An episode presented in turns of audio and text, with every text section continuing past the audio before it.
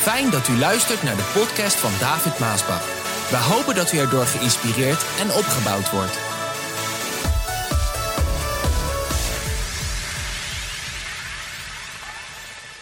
De titel van de boodschap van vandaag die luidt Wij en de reuzen.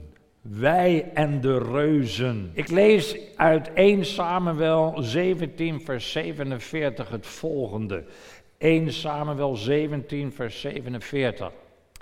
En iedereen hier zal weten dat de Heere niet afhankelijk is van wapens om zijn plannen uit te voeren. Onze God heeft de strijd volledig onder controle. Hij zal u in onze macht geven. En wij lezen het hier ook. Ik ben blij dat ik vandaag kan zeggen dat God heeft alles onder controle. Hoor je dat? Wereldwijd, wat je ook leest in het nieuws, wat je ook uh, hoort, wat je ook ziet en uh, uh, hoe verschrikkelijk het ook allemaal is, ook met de hele crisis en stormachtige dingen.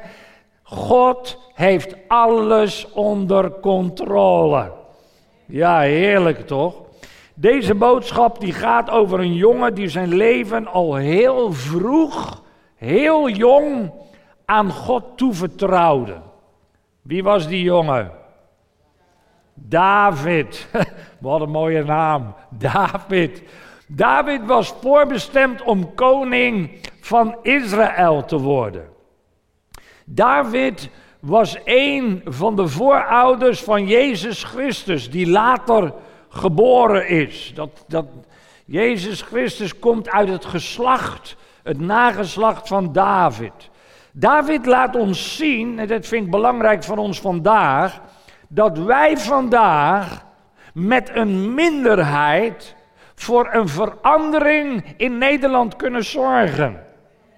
Jij als minderheid kan voor een verandering zorgen. In jouw straat, in jouw familie, in jouw vriendenkring, in jouw collega-kring. vaak denk je, ik ben de enige. Maar ja, ook de enige in de minderheid kan jij voor een verandering zorgen. Deze boodschap gaat over het bekende gevecht tussen David en Goliath. Goliath is voor zover wij weten de grootste man die ooit op aarde geleefd heeft. Hij was bijna drie meter. Dat is, dat is lang. Drie meter lang. Ik heb het nog niet eerder gelezen of gehoord. Hij droeg een helm. En hij had een koper, dat is zwaar, borstpanzer van 55 kilo. Nou, degene die naar sportscholen gaan en 55 kilo tillen, die weten hoe zwaar het is. Dat was zijn borstpanzer. En hij had een koperen speer van wel een paar centimeter. Ja, niet zo'n speertje, een speer koper van een paar centimeter en een, en een punt van 6 kilo. Nou, dat is zwaar, zo'n ding. En zo'n borstpanter. En voor hem uit liep zo'n knaap, zo'n schildknaap met een reusachtig schild, wat hij zelf haast niet kon sjouwen, dat knaapie. Zo zwaar was het. Veertig dagen lang stond Goliath in het dal van Ela, zo heette dat dal daar, om het leger van Israël uit te dagen en belachelijk te maken. Onthoud, dit wat ik zeg. Er zijn mensen ook om jou heen die je uitdagen en belachelijk proberen te maken vanwege jouw geloof in de levende God. Op de ene kant van de helling in het dal, daar stonden de Israëlieten. De andere kant van het dal, daar stonden de Filistijnen. En elke morgen en elke avond, dan kwam die reus Goliath naar buiten. En dan riep hij met zijn grote bek, stelletje lafbekken. Riep hij, herschold hij eigenlijk, daagde die, die Israëlieten, die tegenpartij van hem uit en zei die stuur me jullie sterkste man, jullie grootste man, dan zullen wij samen gaan vechten. En wie verliest, heeft de oorlog verloren. En wie wint, heeft de oorlog gewonnen. Dus eigenlijk een tweegevecht voor de twee landen en de twee legers. Israël die stond met de reus van die Filistijnen, die kampvechten in grote en onder grote spanning. En iedereen, hoor je dat? Iedereen was doodsbang voor die reus, voor Goliath. Iedereen, zelfs koning Saul. Saul die deed het ook in zijn broek. Terwijl Saul eigenlijk op zich al een boom van een vent was, zegt de Bijbel. Die was eigenlijk al een grote man. Maar hij was ook bang voor Goliath en die bleef maar in zijn tent om strategieën te bedenken, strategische plannen te bedenken om die reus te verslaan. Lieve mensen, wat de reuzen betreft, is de tijd vandaag niet veel anders. Ook wij hebben vandaag vele reuzen. Reuzen die we onder ogen moeten zien. Reuzen die we tegemoet moeten treden en verslaan. Reuzen van armoede en ellende. Reuzen van zorgen en verdriet. Reuzen van rassenhaat en discriminatie. Wat een reus vandaag over de hele wereld, maar ook in Nederland. Reuzen van recessies en inflaties. Zien we ook toch? Reuzen van terreur en geweld. Reuzen van ziekten en epidemieën. Nou, als er één epidemie vandaag rondgaat, dan hebben wij dat. Het is een reus van een epidemie die de hele wereld in zijn macht heeft. Heel Nederland, heel Europa, de hele wereld heeft deze reus in zijn macht. Met een hele grote bek. De staatsschuld van Nederland. Die klok die loopt razend hard. Die loopt torenhoog op. Niet alleen in Nederland, maar ook in Europa en eigenlijk in de hele wereld. Alcoholverslaving is een reus. Drugsverslaving is een reus. Seksverslaving is een reus. Het zijn allemaal reuzen. Ik weet niet of je daar zo tegenaan hebt gekeken, maar dit zijn reuzen. En wat voor de ene een reus is, is misschien niet voor de andere reus, maar het zijn reuzen. En ieder mens heeft zijn en haar persoonlijke reusachtige reus in zijn en haar leven. Een van de reuzen die vandaag vooral op jonge mensen afkomt, is het verlangen naar status, erkenning, bewondering en acceptatie. Dat is een reus die op vooral jonge mensen afkomt. Niet lang geleden vroeg ik een jonge man: waarom rijden jullie eigenlijk altijd op dat merk scooters? Je ziet bij een bepaald slag, jonge mensen, zie je altijd hetzelfde merk scooters. En ik dacht, waarom rijden die jonge mensen altijd op dat merk? En hij antwoordde, nou, als je op zo'n brommer de bocht omscheurt, dan kijken alle meiden naar je. Ja, echt waar. lieve mensen, datzelfde geldt vandaag ook voor al de merkkleding. Ik, ik, haal een paar reuzen aan vandaag. Hè. Hetzelfde geldt voor al die merkkleding. Het wordt voor een habbekrats wordt het gemaakt hè, in China of in Taiwan of in India. Maar omdat er dan een of andere bekende naam op staat, gekoppeld daaraan is, kost het wel 10 of 20 of 30 keer zo duur. Alleen maar van, vanwege die naam, maar het wordt gemaakt voor een habbekrats. En de ene koopt het voor een habbekrats veel goedkoper, maar omdat er dan zo'n naam op staat, is het heel erg duur. En de jonge mensen betalen het. Nou, als je het geld zou hebben, ja, dan interesseert het mij niet. Eh, en je wil het aan, aan, aan, een t-shirt van 500 euro besteden, doe dat. Ja, ik praat over t-shirts van 400, 500 euro. Hè. Ik ga geen namen, namen noemen van bedrijven, maar ik zou het zo kunnen noemen. Maar eh, als je het geld hebt, kijk, als je bergen met geld hebt en je wil het daaraan uitgeven, oké, ja.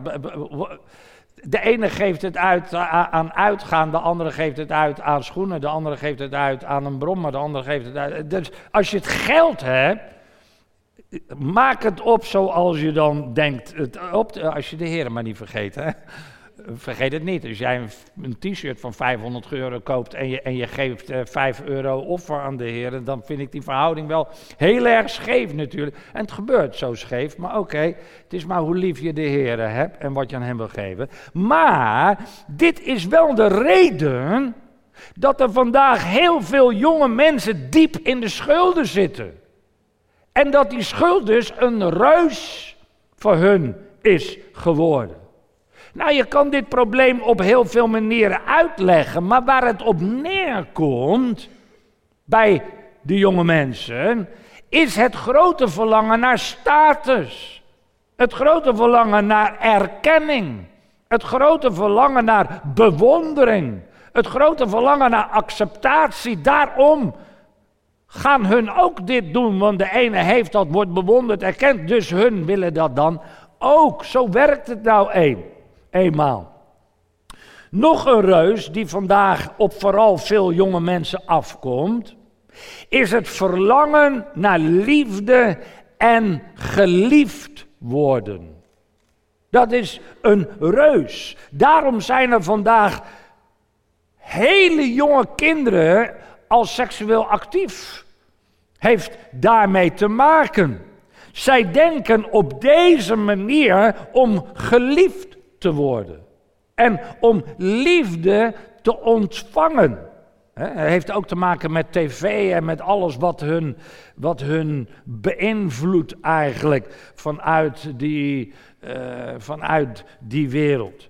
Maar de Bijbel zegt dat God ons lief heeft. Hoor je dit? De Bijbel zegt dat God ons lief heeft. Dus jonge man, jonge vrouw, God heeft jou lief. En ook als je hier bent en je hebt het misschien nog nooit zo gehoord, God heeft jou lief. Hij heeft jou zo lief dat hij zijn enige geboren zoon voor jou gegeven heeft. En Jezus, zijn enige geboren zoon, die stierf voor jou aan het kruis op een zekere plaats genaamd Golgotha, net, bij, bij, net buiten Jeruzalem in Israël. En met elke druppel bloed riep hij uit voor jou, ik hou van jou. Ik hou van jou. Ik hou van jou. Ik hou van jou. Dat is onze God naar de mens toe. Ik hou van jou. Ik heb jou lief tot in de dood. Hoe slecht jij ook bent, hoe groot jouw zonden ook zijn, hoe diep je ook gezonden bent, gezonken bent, het verlangen naar liefde en status en erkenning en bewondering en acceptatie aan al deze verlangens wordt voldaan als je een band krijgt, als je een relatie krijgt met Jezus Christus. Mooi hè, zelfs voor ons die al zo lang in de Heer zijn, is dit heerlijk om te horen. Heerlijk om te horen. God loves me. En hij geeft jou liefde en veiligheid en status en erkenning en bewondering en acceptatie en rijkdom enzovoort enzovoort enzovoort. Met Hem, Jezus Christus, word je erfgenaam van God. Je wordt lid van het hemelse huis van God. Oh, wat een heerlijke woorden, lieve mensen, zelfs voor ons die al zo lang in de Heer zijn. Heerlijk. Dat is onze God. He loves you. Hij houdt van mij. Hij houdt van ons. Jezus Christus zal jouw verlangen naar liefde en geliefd worden vervullen. Want hij heeft jou meer lief dan welke vriend of vriendin dan ook. Hij houdt meer van jou dan jouw vader. Hij houdt meer van jou dan jouw moeder. Hij houdt meer van jou dan jouw broers en zussen en ooms en tantes. Echt waar. Het is echt waar wat ik zeg. Het is geen, geen, geen verhaaltje, geen fantasie. Het is echt waar. Het is de waarheid. Daarom staat er ook op de vlaggen op ons, onze kerk en op ons werk: God loves you. Tienduizenden mensen die per dag langs rijden op dit kruispunt, kijken altijd naar die vlaggen. Waar moet je anders naar kijken? Ja, het stoplicht natuurlijk. Maar de aandacht is de vlaggen. En elke dag lezen ze God loves you. Elke dag spreekt God tot al die mensen. God loves you. Heerlijk. Nog een reus die vandaag en alweer op veel jonge mensen afkomt, is de vraag: wat doe ik met mijn leven? Wat doe ik met mijn leven? Vele mensen verkwisten jaren van hun leven. Het is gewoon ver verkwisting, omdat ze maar niet kunnen besluiten wat ze ermee willen doen. Het zijn ver verkwistende jaren. Jaren gaan voorbij, komen nooit meer terug. Laatst reek, vertelde ik u ergens. Plotseling kwam die gedachte: ik zal op een zekere dag nooit meer hier langs rijden. Dat is voorbij. De klok tikt van ons leven nooit meer terug. Tikt altijd verder. En sommigen verkwisten die tijd. Verkwisten die jaren. En daarom komen ze in een draaimolen. Jonge mensen vandaag. Draaimolen van verveling. En als jonge man of jonge vrouw behoor je niet in een draaimolen van verveling te zitten. Dat hoeft niet, want er is in Nederland heel veel te doen. Er is echt veel te doen. Open je ogen en kijk om je heen. De daklozen, de thuislozen, de armen, de oude vandaag, de pleinen, de straten, de parkjes, enzovoort, enzovoorts. Er is in het leven altijd wel wat te doen. Niemand is onbekwaam. Niemand. Niemand hier, niemand daar. Niemand is onbekwaam. Om op de een of andere manier God en zijn medemens te dienen. Iedereen kan dat. Zelfs al lig je op een ziekenhuisbed of thuis ergens ziek. Zelfs al ben je blind, doof of doofstom. God heeft altijd wel een taak voor je. Mooi is dat, hè? Altijd, jong en oud, donker en licht, kort en lang. Intelligent of niet zo intelligent, wie jij ook bent. God heeft altijd wel een taak voor je. Tenminste, als je Hem het offer van jezelf wil geven. Nog een reus waar veel mensen tegenaan lopen is een reus van verzoeking. Reus van verzoeking. Ja, ja, ja, zeg jij, David, dat is een enorme reus voor mij. Ik weet gewoon niet hoe ik die reus moet overwinnen. Weet je hoe Jezus de verzoekingen die op hem kwam, op hem afkwamen, overwonnen heeft? Hij haalde aan wat er in de Bijbel geschreven staat. Hij ging niet met, die, met de boze redeneren. Met zo'n reus als Goliath, luister, met zo'n reus als Goliath valt niet te praten. Hoor je dat? Er valt niet te praten met zo'n reus. Trouwens, al die reuzen waar je mee te maken hebt, daar valt niet mee te praten, te redeneren. Nee, Jezus beriep zich alleen op het woord van God, de Bijbel. Hoor je dat? Het woord van God, de Bijbel. Heb je ook in allerlei maten en kleuren. En daarom moet je bepaalde teksten uit de Bijbel moet je uit je hoofd leren. Er zijn gewoon bepaalde teksten uit de Bijbel, uit het woord van God, wat je uit je hoofd moet leren. Iedereen komt elke dag wel weer in één of andere verzoeking. U, ik, iedereen, hè? Hoor je dat? Denk niet dat bepaalde mensen, ja maar David, u heeft daar geen last van. Luister, iedereen komt elke dag wel in bepaalde soorten van verzoeking terecht. En op zichzelf genomen is dat geen zonden. Het wordt pas een probleem als je eraan toe gaat geven. Jezus die wees de boze op Gods woord. En de Bijbel zegt, en de boze liet hem met rust. Oude vertaling zegt, die, die uh, vlieden van hem. En ook wij moeten de boze wederstaan met het woord van God. Het woord van God is nog steeds vol van kracht. Dan zal hij ook van jou en van mij vlieden, weggaan. Je kan de boze wederstaan met Gods woord. Dat is jouw zwaard. En daar, daar gaat een bovennatuurlijke kracht van uit.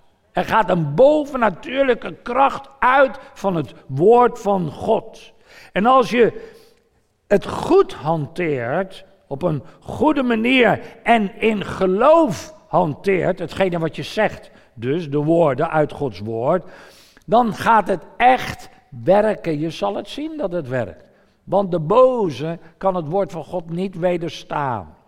Nou, even terug naar het verhaal van David en Goliath. David die was de schaapjes van zijn vader aan het hoeden. Lees maar het hele verhaal. Hij was de jongste uit het gezin. De vader heette Isaï. En drie van zijn broers die zaten in het leger. Maar die waren ook bang voor Goliath. Die deden het ook in hun broek voor Goliath. Isaï, zijn vader, die zei: David, kom eens, ga eens naar je broers. Ga eens kijken hoe het met hun gaat. En daar in het leger. En als je gaat, neem dan gelijk brood en kaas voor hun mee. Nou, zo gezegd, zo gedaan. David ging. En toen David aankwam. En die grote bek van Goliath die reus hoorde, vroeg hij geërgerd: Wie is die goddeloze kerel die de legers van God uitdaagt? Wie is dat? Nou, weet je dat dan niet, David? zeiden de mannen daar. Dat is de grootste en de sterkste man van de hele wereld. Nou ja, zo wat? Vind, vind ik mooi zo'n zo'n attitude. Hè? Nou, nou, nou, wat dan nog? Zo, so, so what? Waarom gaat er niemand hem tegemoet? Waarom is er niemand? En maakt die vent een kopje kleiner. Hoe die het dan ook zei in zijn taal. Hè? Want hij was nog gewoon een hele jonge, jonge man. Een tiener was hij eigenlijk. Ben je gek of zo? Niemand kan het tegen die reus opnemen. Die reus die slaat. Kijk naar die handen van die reus. Poot hebben ze misschien gezegd. Hè, een beetje die taal gebruiken daar zo. Uh, die in één klap ben je mos dood, man. David zei: Als niemand het doet, dan doe ik het. Mooi hè? Jong hè? Heel jong hè? Als niemand het doet. Er zijn vandaag maar weinigen die uit de massa durven te stappen en anders durven te denken en te praten en te zeggen: als niemand het doet, dan zeg ik het. Dan doe ik het. Hetzelfde hebben we vandaag eigenlijk ook wel hoor, in de massa van manier van praten, ook in ons Nederland en vooral met de media en dergelijke. Zijn broers die lachten hem uit en die staken de draak met David. Hoe kan jij nou met die grote reus vechten. Je bent nog een snotneus, vent. Zo praten, hè? dan word je gekleineerd. Hè? Vergelijk het even met jezelf. Als jij dus tussen al je familie of collega's en jij zegt dan even iets wat er totaal tegenin gaat. Hè? Nou, dan krijg je de looks. Hè? En dan krijg je de opmerkingen. Hè? Ga toch je schaapjes van, van papa. Ga, naar de, ga terug naar de schaapjes van papa. Dan krijg je die kleinerende opmerkingen. Hè? Maar ja, ook tegen koning Saul zei David: Ik zal gaan.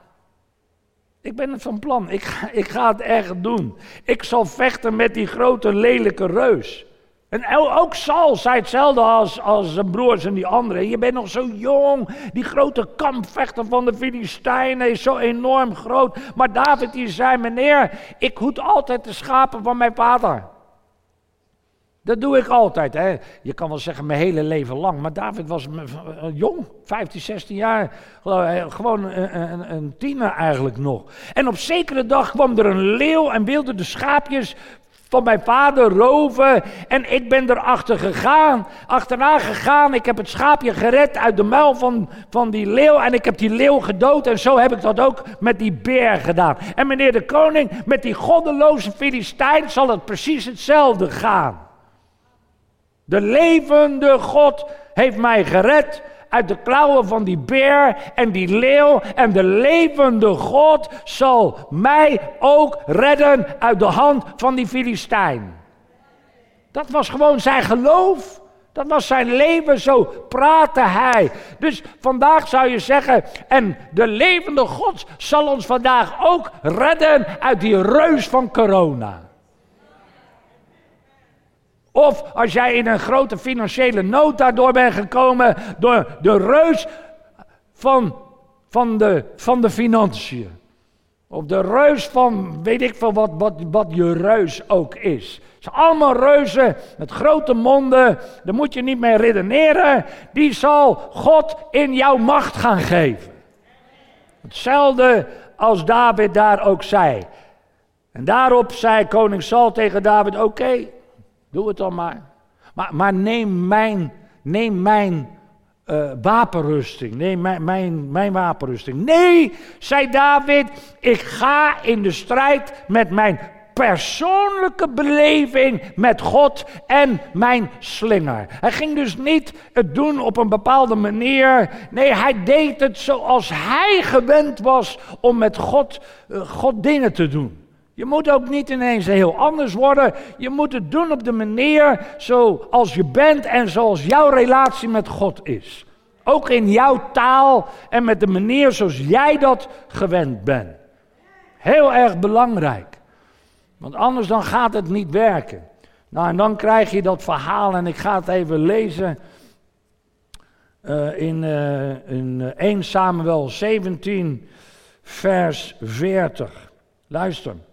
Toen nam hij zijn stok en pakte David dus vijf gladde kiezelstenen uit een beekje en deed die in zijn herderstas. En zo ging hij op Goliath af, slechts gewapend met een slinger. Goliath kwam ook naar voren, luid commentaar gevend op dat jonge ventje met zijn rozige haar. Ben ik soms een hond? donderde hij tegen David, dat je met een stok op mij afkomt. En hij vervloekte David in de naam van zijn goden. Kom maar eens hier, dan zal ik je vlees aan de vogels en de wilde dieren geven, brulde Goliath. David riep ten antwoord: U komt op mij af met een zwaard en een speer en een schild.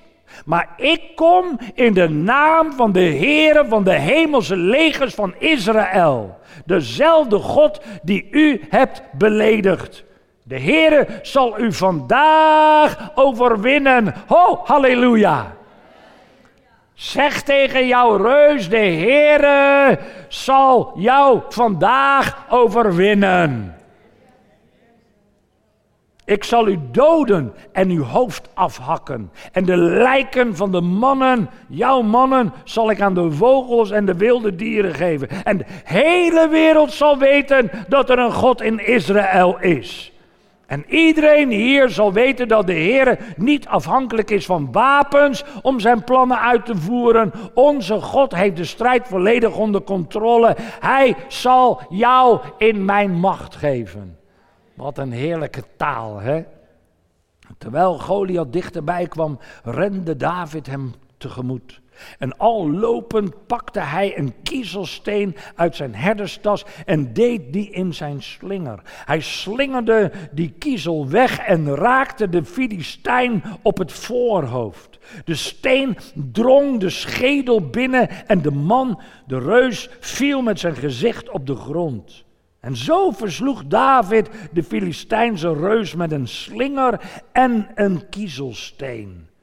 En omdat hij geen zwaard had, rende hij naar Goliath, doodde hem met zijn eigen zwaard en hakte zijn hoofd af. En toen de Filistijnen zagen dat hun beste kampvechter dood was, draaiden ze zich om en sloegen op de vlucht. Die reus, al diegenen die met die reuzen uh, samenspannen, die slaan op de vlucht. Heerlijk. Uit het Israëlische kamp klonk een luide triomfkreet. Ja, dat kan ik wel begrijpen. En iedereen zette de achtervolging in op de vluchtende Filistijnen, tot aan Gat en de poorten van Ekron. De lichamen van de gewonde en gedode Filistijnen lagen overal langs de weg. En daarna keerde het Israëlitische leger terug en plunderde het Filistijnse kamp. Ja, lieve mensen, heerlijk. Deze geschiedenis heeft een belangrijke geestelijke les. Voor ons allemaal. Iedereen. Ons, mij, iedereen, allemaal. Wat zijn de reuzen in jouw leven vandaag? Uw leven, als je wat ouder bent. Ik verzeker jou, met God kun je elke reus verslaan. Met God kun je alle reuzen in je leven overwinnen. Geef je leven vandaag aan Jezus Christus. Dien Hem en neem vijf gladde stenen mee. Steen 1. Je persoonlijk geloof in Jezus Christus. Die je vandaag ontvangt, ook door het luisteren naar het woord wat je nu gehoord hebt. Steen 2. Je dagelijkse omgang met God. Laat geen dag voorbij gaan zonder te bidden en je Bijbel te lezen. Steen 3. Je gehoorzaamheid aan God en zijn woord. Steen 4. Een toegewijd leven aan God en je medemens. Steen 5, wees altijd voorbereid. Mooi hè? Wees altijd voorbereid. Met andere woorden, hou je gereed en wees voorbereid, want op zekere dag zul je plotseling je kans krijgen. Net als David, kleine David. want er zit een heel verhaal hier aan vast waar ik nu niet op inga. Want dit was het begin van eigenlijk Davids carrière. En hoe de Heer hem helden erbij geeft. Want daar was hij de held. Maar toen kreeg hij helden. Want die reus die had nog vier broers. Die zijn er ook allemaal aangegaan. Als je de steen wegslingert, zal God die steen in de juiste richting brengen. En je gaat immers niet alleen de strijd in. Nee, God is met jou. God is met jou. Misschien zeg jij, David, ik wil wel, maar ik kan het niet. Nee, natuurlijk kan jij het niet. Ik kan het ook niet, maar God kan het wel. That's the answer. God kan het wel. Jezus Christus kan door jou heen de strijd winnen en iedere reus verslaan. Oké, David, zeg je. Ik doe het. Wat moet ik dan doen? Nou, ik denk dat velen dit wel gedaan hebben, maar er zullen er zijn hier en ook daar waar je ook bent, die dit nooit hebben gedaan. Maar je moet eigenlijk twee dingen doen. Eigenlijk maar slechts Twee dingen. Eén, berouw hebben van je zonden. Twee, Jezus Christus aannemen als je redder en verlosser. Als je deze twee dingen doet, is God aan je zijde. Sta je niet alleen in de strijd. Als je dus die reus in je leven gaat bestrijden, ben je niet alleen. God gaat het door jou heen doen. Berouw hebben, dat wil zeggen, ik heb spijt van mijn zonde. En ik wil een ander leven leiden. Jezus Christus aannemen wil zeggen, ik stel mijn vertrouwen op Jezus Christus en niet mijn werk. Niet mijn goede werken, niet mijn beleidenis, mijn doop, noem het allemaal maar op. Het houdt in dat je Jezus Christus wil gehoorzamen, wil dienen en wil volgen. En als je dit nog niet hebt gedaan, maar je wil dit graag, dan mag je eenvoudig dit gebed nabidden. En dan zeg je, zeg mij maar gewoon na, zeg maar, Vader in de hemel, ik dank u voor uw liefde en genade en uw goedheid. Ik heb spijt van mijn zonden en ik vraag u, vergeef mijn zonden. Red mij. Ik neem u aan als mijn redder. Ik neem u aan als mijn vader. Wil u mij aannemen als uw kind? Ik bid dit, ik dank u ervoor. In Jezus' naam. Amen.